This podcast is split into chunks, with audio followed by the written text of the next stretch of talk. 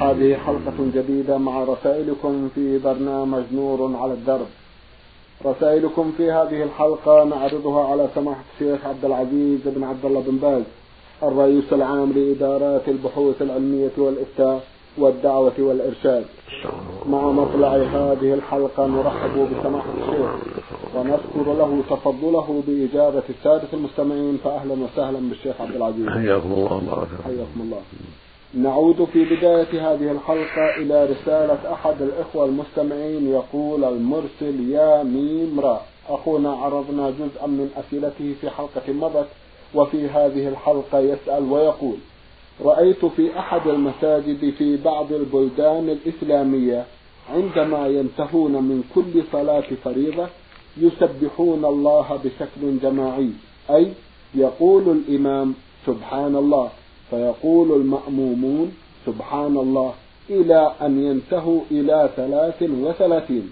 ويقول الإمام الحمد لله ويقول المأموم ويقول المأمومون مثل قوله وهكذا. أفيدونا عن حكم مثل هذا العمل؟ جزاكم الله خيرا. بسم الله الرحمن الرحيم. الحمد لله رب العالمين والصلاة والسلام على عبده ورسوله وصفوته من خلقه وأمينه على وحيه نبينا وإمامنا وسيدنا محمد بن عبد الله وعلى آله وأصحابه ومن سلك سبيله واهتدى بهداه إلى يوم الدين. أما بعد فهذا العمل الذي ذكر السائل وهو أن الإمام والمأمومين يسبحون ويحمدون ويكبرون بصفة جماعية بعد كل صلاة هذا لا أصل له وليس من من السنن المشروعة. بل هو من البدع. الرسول صلى الله عليه وسلم رغب الناس أن يسبحوا ويحمدوا ويكبروا ثلاثة وثلاثين بعد كل صلاة. ولم يكن يفعل ذلك معهم بصفة جماعية بل كان يذكر الله في نفسه وكل واحد من الجماعة يذكر الله في نفسه. هذا هو المشروع. فكل واحد يشتغل بنفسه فالإمام بنفسه وكل واحد من الجماعة كذلك. فيقول بعد السلام أستغفر الله أستغفر الله أستغفر الله. اللهم أنت السلام ومنك السلام. تباركت يا ذا الجلال والإكرام. يقوله الإمام والمأموم والمنفرد. هذه السنة. لما ثبت عن ثوبان رضي الله عنه مولى النبي صلى الله عليه وسلم قال كان النبي صلى الله عليه وسلم إذا انصرف من صلاته استغفر ثلاثا وقال اللهم أنت السلام ومنك السلام. تباركت يا ذا الجلال والإكرام. وثبت عن عائشة رضي الله عنها في صحيح مسلم أنه كان الرسول إذا فرغ من قوله اللهم أنت السلام ومنك السلام تباركت يا ذا الجلال والإكرام انصرف إلى الناس وأعطاهم وجهه الكريم عليه الصلاة والسلام. فهذا يدل على أن الإمام يأتي بهذا قبل أن ينصرف.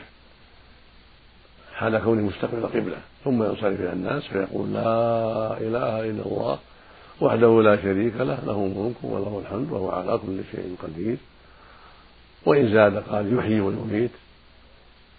فكل هذا ورد عن النبي عليه الصلاة والسلام ويقول أيضا لا حول ولا قوة إلا بالله لا إله إلا الله ولا نعبد إلا إياه له النعمة وله الفضل وله الثناء الحسن لا إله إلا الله مخلصين له الدين ولو كره الكافرون.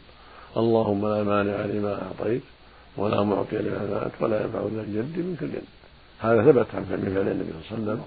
بعضه من حديث المغيرة بن شعبة وبعضه من حديث عبد الله بن الزبير. رضي الله عن الجميع.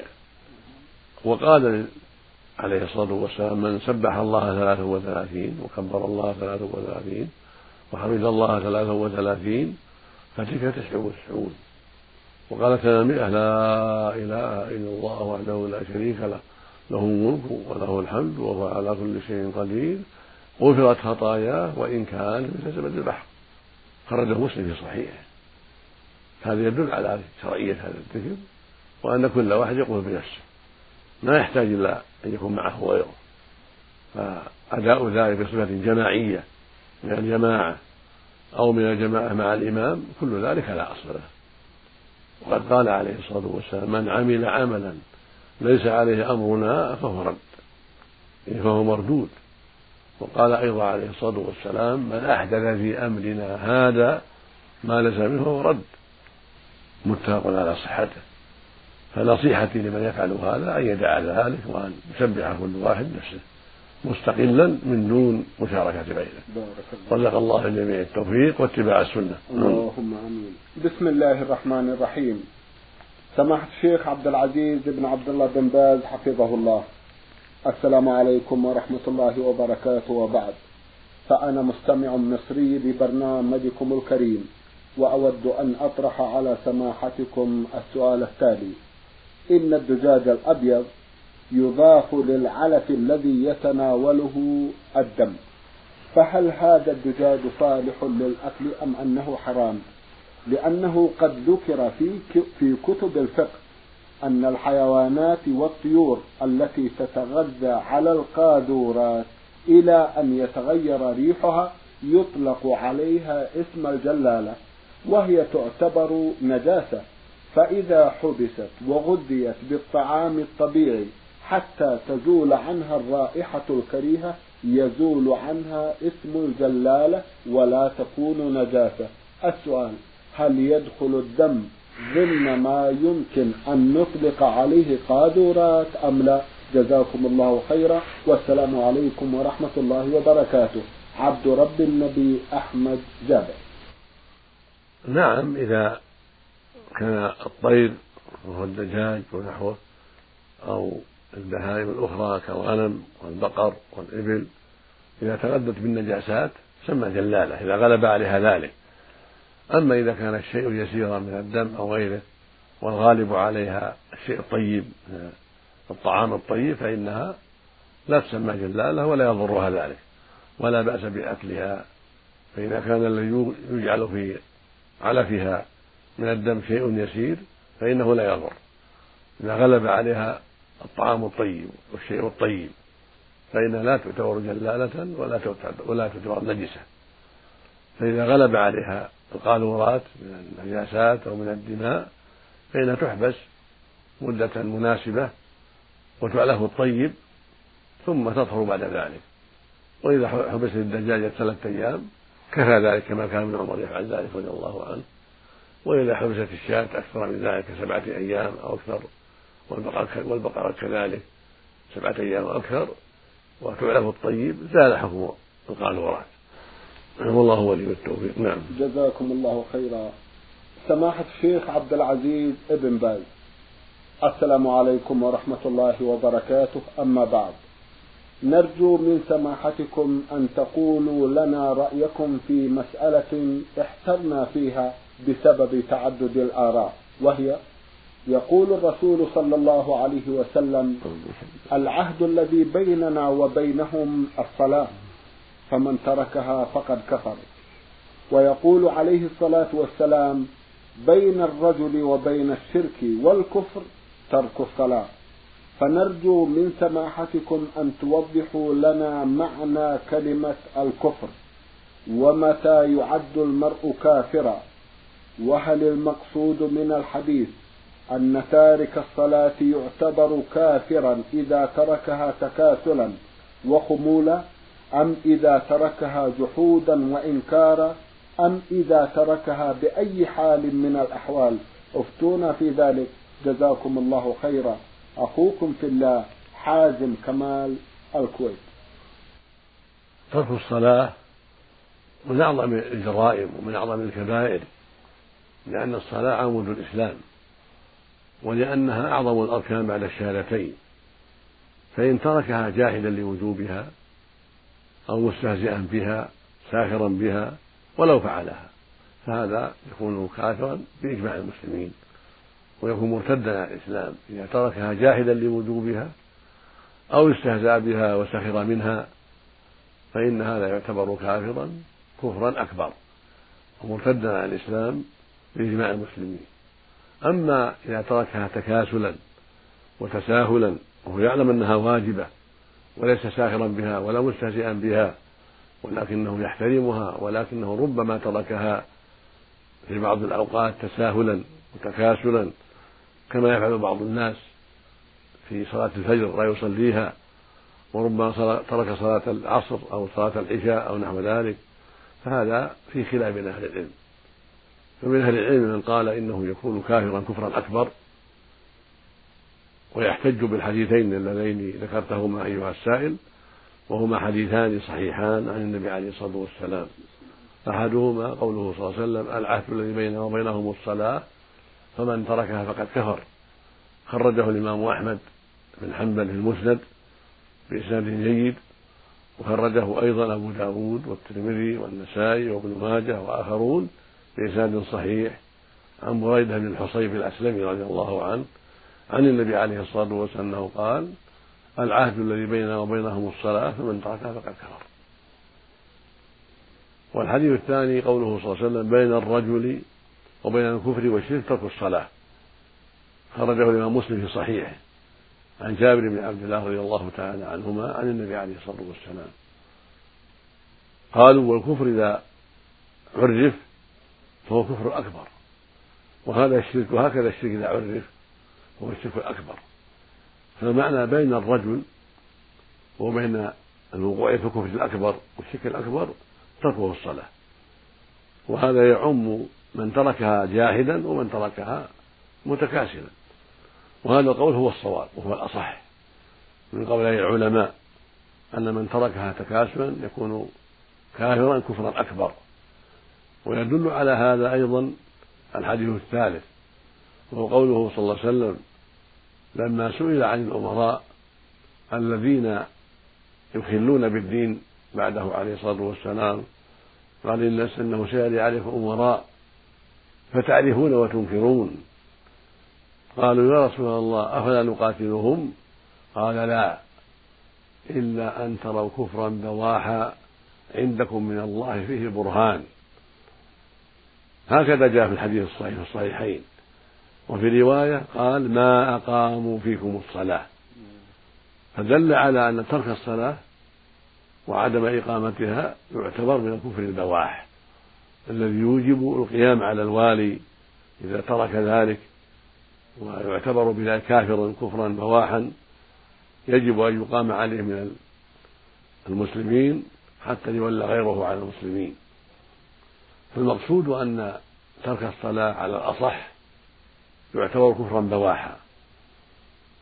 وذهب آخر من العلم إلى تأويل هذين الحديثين وأن المراد كفر دون كفر وشرك دون شرك وأنه لا يكفر بذلك إلا إذا جحد وجوبها أو استهزأ بها بل يكون عاصيا وقد أتى جريمة عظيمة وكبيرة عظيمة ولكن لا يكون كافرا كفرا أكبر.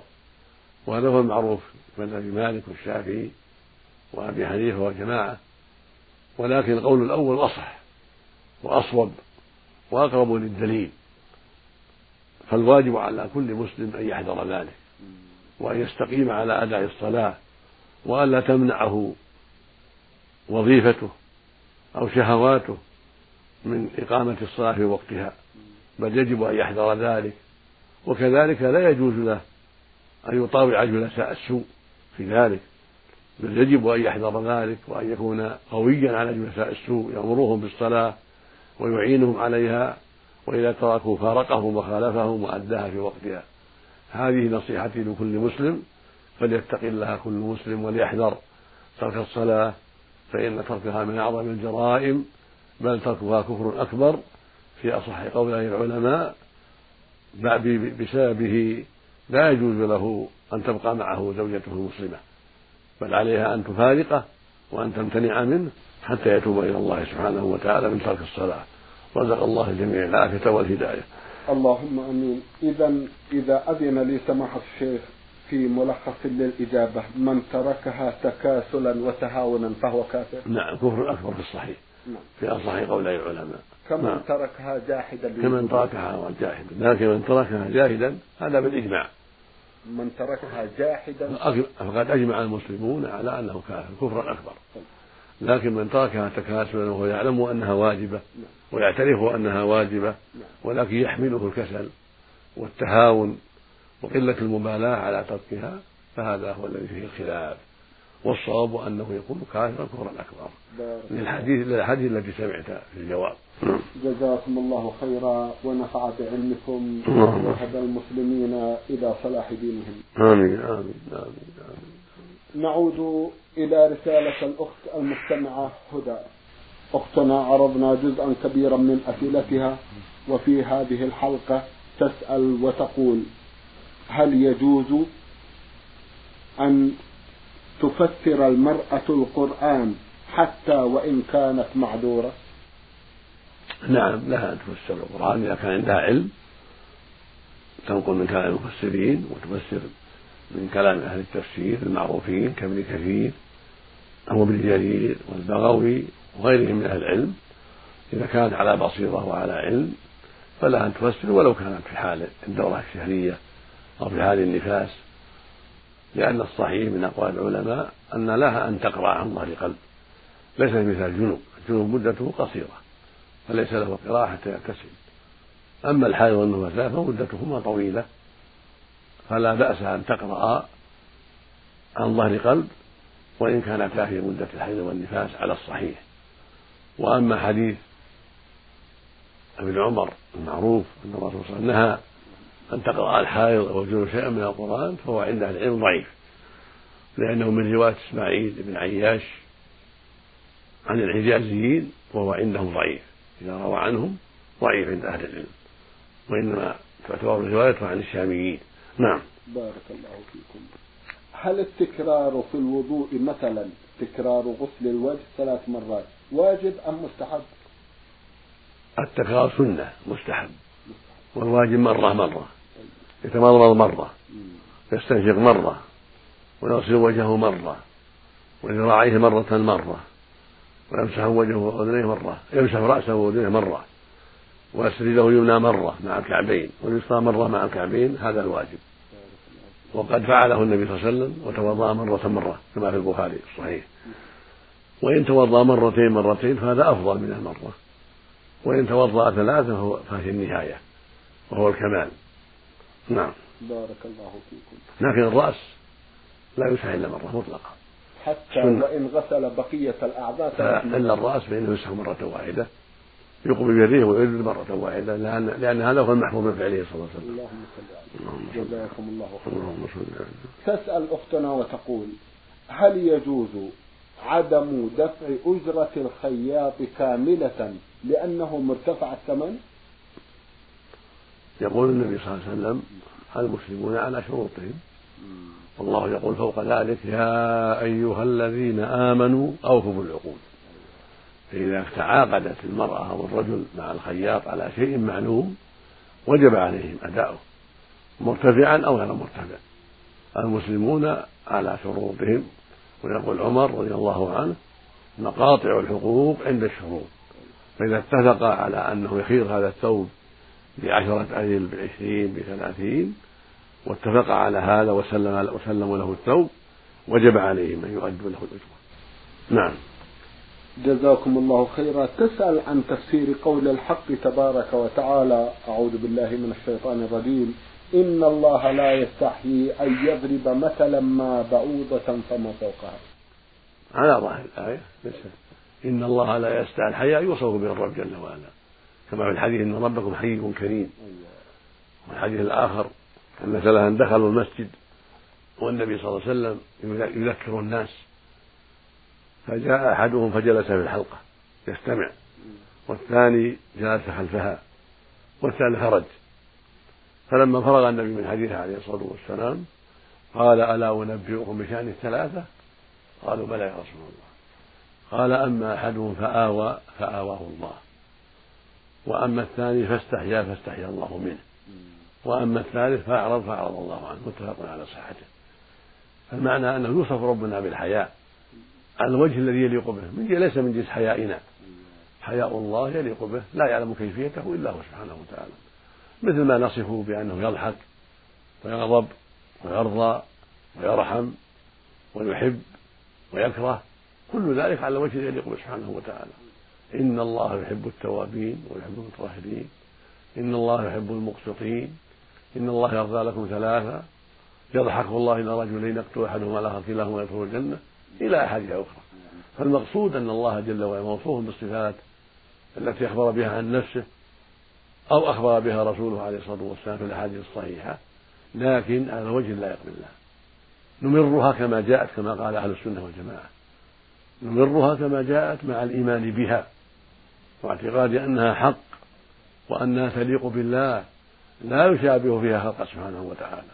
كما قال عز وجل قل هو الله أحد الله الصمد لم يلد ولم يولد ولم يكن له كفوا أحد. قال سبحانه ليس كمثله شيء وهو السميع البصير. قال سبحانه فلا تضربوا لله الأمثال إن الله يعلم وأنتم لا تعلمون. قال مالك رحمه الله مالك بن أنس إمام دار الهجرة في زمانه القرن الثاني. وهكذا قال سفيان الثوري وابن عيينة والإسحاق بن راهوية والأوزاعي وأشباههم قالوا في آيات الصفات وأحاديث أمروها كما جاءت. أمروها بلا كيف. يعني أمروها واعتقدوا معناها وأنه حق لائق بالله لا يشابه في ذلك خلقه. هكذا الحياء إن الله لا يستحي أن مثلا من بعوضة في آية الأحزاب والله لا يستحي من الحق. هو سبحانه لا يستحي أن يضرب الأمثال بالبعوضة أو بالعنكبوت أو بالذباب كما وقع في سورة العنكبوت في سورة الحج. ضرب مثلا بالذباب كل هذا حق. لبيان الحق وإيضاح الحق لعباده سبحانه وتعالى. فليس في هذا حياء. وكذلك رسله وأنبياءه وأهل العلم لا يستحون أن يوضحوا للناس الحق بالأمثال. وإن كانت الأمثال بأشياء حقيرة من الدواب فربنا يوصف بالحياء ويقال إنه حي كريم ويقال إنه لا يستحي من كذا وكذا على الوجه اللائق بالله. لا يشابه خلقه في شيء من صفاته ولا يماثلهم بل هو موصوف بصفات الكمال على الوجه اللائق بالله ولا يعلم كيفيتها إلا هو فهو يضحك ولا نعلم كيف يضحك. الله اللي يعلم هذا سبحانه وتعالى. لكن نعلم أنه ضحك ليس مثلنا. بل هو ضحك كامل يليق بالله لا يشابه ضحك المخلوقين. كذلك يرضى ونعلم أنه يرضى ولكن ليس كرضانا نعلم أنه يرحم ليس كرحمتنا نعلم أنه يغضب ليس كغضبنا. نعلم أنه سميع ليس كأسماعنا. بصير ليس كأبصارنا وليس كإبصارنا وسمعنا كل هذا يليق بالله. وهكذا بقية الصفات. كلها تليق بربنا. لا يشابه فيها خلقه بوجه من الوجوه خلافا لأهل البدع من الجهمية والمعتزلة ومن شاركه في بعض ذلك الأشاعرة وما أشبه ذلك. الواجب على المسلم أن يتقي الله وأن يسير على منهج رسول الله صلى الله عليه وسلم وعلى منهج أئمة السنة يعني السنة والجماعة وذلك بالإيمان بأسماء الله وصفاته وإبرارها كما جاءت واعتقاد أنها حق وأنها لائقة بالله وأنه سبحانه ليس له مثيل ولا شبيه ولا نظير وأنه أعلم بصفاته وكيفيتها من خلقه سبحانه وتعالى. ليس كمثله شيء وهو السميع البصير. فنمرها كما جاءت ونقول إنها حق لكن من غير تحريف ولا تعطيل ولا تكييف ولا تمثيل. بل نقول كما قال السلف الصالح ليس كمثله شيء وهو السميع البصير سبحانه وتعالى. نعم. جزاكم الله خيرا ونفع بعلمكم. اللهم المستعان اللهم المستعان أختنا تسأل وتقول هل يجوز حمل القرآن في الصلاة وقراءته وعدم الترتيب أيضا في قراءة السور؟ لا حرج في ذلك إذا دعت الحاجة إلى ذلك نعم. كما في صلاة التراويح والزيام إذا قرأ من المصحف لا حرج في ذلك. والأفضل أن يرتب الآيات ولا يخل بذلك. فإن قرأ بعض الآيات في ركعة وآيات أخرى لأنه ما يحفظ إلا ذلك أو لأن قراءته لبعض الآيات غير مستقيمة فيقرأ الآيات قراءة مستقيمة والتي يعجز عنها يؤخرها فلا بأس بذلك. المقصود أنه لا حرج إذا كان لمصلحة شرعية أن يقرأ بعض الآيات ويترك بعض الآيات لأنه يقيم هذه الآيات وقد درسها وحفظها. ولأنه ليس يقيم الآيات الأخرى لأنه ما درسها كما ينبغي أو لأنه يحفظ هذه ولا يحفظ هذه كل ذلك لا حرج فيه. بارك الله فيكم ونفع بعلمكم إنني أكثر من سجود السهو. هل في هذا شيء؟ لا ينبغي ذلك. السنة سجدتان فقط ولو سهى مئة مرة. لو سهى الإنسان في صلاته مئة مرة. السنة له سجدتان فقط. لا يزيد على ذلك ولا يجوز الزيادة على ذلك. فلو مثلا قام عن التشهد الأول في الظهر أو العصر أو المغرب أو العشاء قام عن التشهد ناسيا ثم مثلا نسي التسبيح في الركوع سبحان ربي العظيم أو نسي التسبيح في السجود سبحان ربي الأعلى أو نسي رب اغفر لي بين السجدتين أو نسي بعض التكبيرات أو حين قيامه أو قعوده فإنه يكفي سجدتان فقط. عن الجميع كلها. ولا وليس له يكرر سجدتين أخريين. لا. سجدتان كافيتان عن جميع السهو. هكذا فعل النبي صلى الله عليه وسلم. فإنه في بعض الأحيان عليه الصلاة والسلام سلم من ثنتين. وقام واستقبل الناس. يظن أنه أكمل الصلاة. فنبه عليه الصلاة والسلام. فقام وكمل صلاته. ولم يسجد سوى ولم يسجد سوى سجدتين مع أنه سلم تسليمتين وقام وذهب ورجع فأتى بأشياء من الأعمال ساهيا ولكن سجد سجدتين فقط عليه الصلاة والسلام. نعم. جزاكم الله خيرا. كأني فهمت سماحة الشيخ جانبا آخر للسؤال. نعم. وهو أنها تصلي الظهر مثلا ثم تصلي سجود السهو ولو لم تلاحظ أنها سهت لا لا. وتصلي العصر ثم تصلي سجود السهو وهكذا. هذا غلط هذا ما يجوز. لا. يجوز ما دام ما عندها سهو لا تسجد السهو الأوهام ما تصلح أيوه. الأوهام والوساوس ما تجوز. هذا من عمل الشيطان. إنما تسجد السهو إذا علمت أنها سهت. سهوا يجب سجود السهو. علمت أنها مثلا تركت الشهد الأول قامت ناسية. علمت أنها مثلا نسيت سبحان ربي الأعلى في السجود نسيت سبحان ربي العظيم في الركوع فالأصح في هذا أنها تسجد للسهو في مثل هذا وإن كان بعض أهل العلم لا يرى ذلك واجبا لكن الصحيح أن الشهد الأول واجب وأن سبحان ربي في السجود واجب سبحان ربي العظيم في الركوع واجب ولو مرة واحدة. رب اغفر لي من الشهد واجب على الأصح فمن تركه ساهيا سجد له. فلو جمعت اجتمعت هذه الأمور سهى في التشهد الأول وسهى في ترك تسبيح تسبيح في الركوع أو في السجود يكفي سجدتان والحمد لله. وهكذا لو مثلا آه، شك سجدة سجدتين فأتى بسجدة ثانية ليتيقن أنه سجد سجدتين فإنه يكفي السجدتان للسهو عن هذا وعن السهو الآخر. نعم. جزاكم الله خيرا. سماحة الشيخ في ختام هذا اللقاء أتوجه لكم بالشكر الجزيل. بعد شكر الله سبحانه وتعالى. على تفضلكم بإجابة السادة المستمعين وآمل أن يتجدد اللقاء وأنتم على خير. مستمعي الكرام كان لقاؤنا في هذه الحلقة مع سماحة الشيخ عبد العزيز بن عبد الله بن باز الرئيس العام لإدارات البحوث العلمية والإفتاء والدعوة والإرشاد. شكرا لمتابعتكم مستمعي الكرام وسلام الله عليكم ورحمته وبركاته.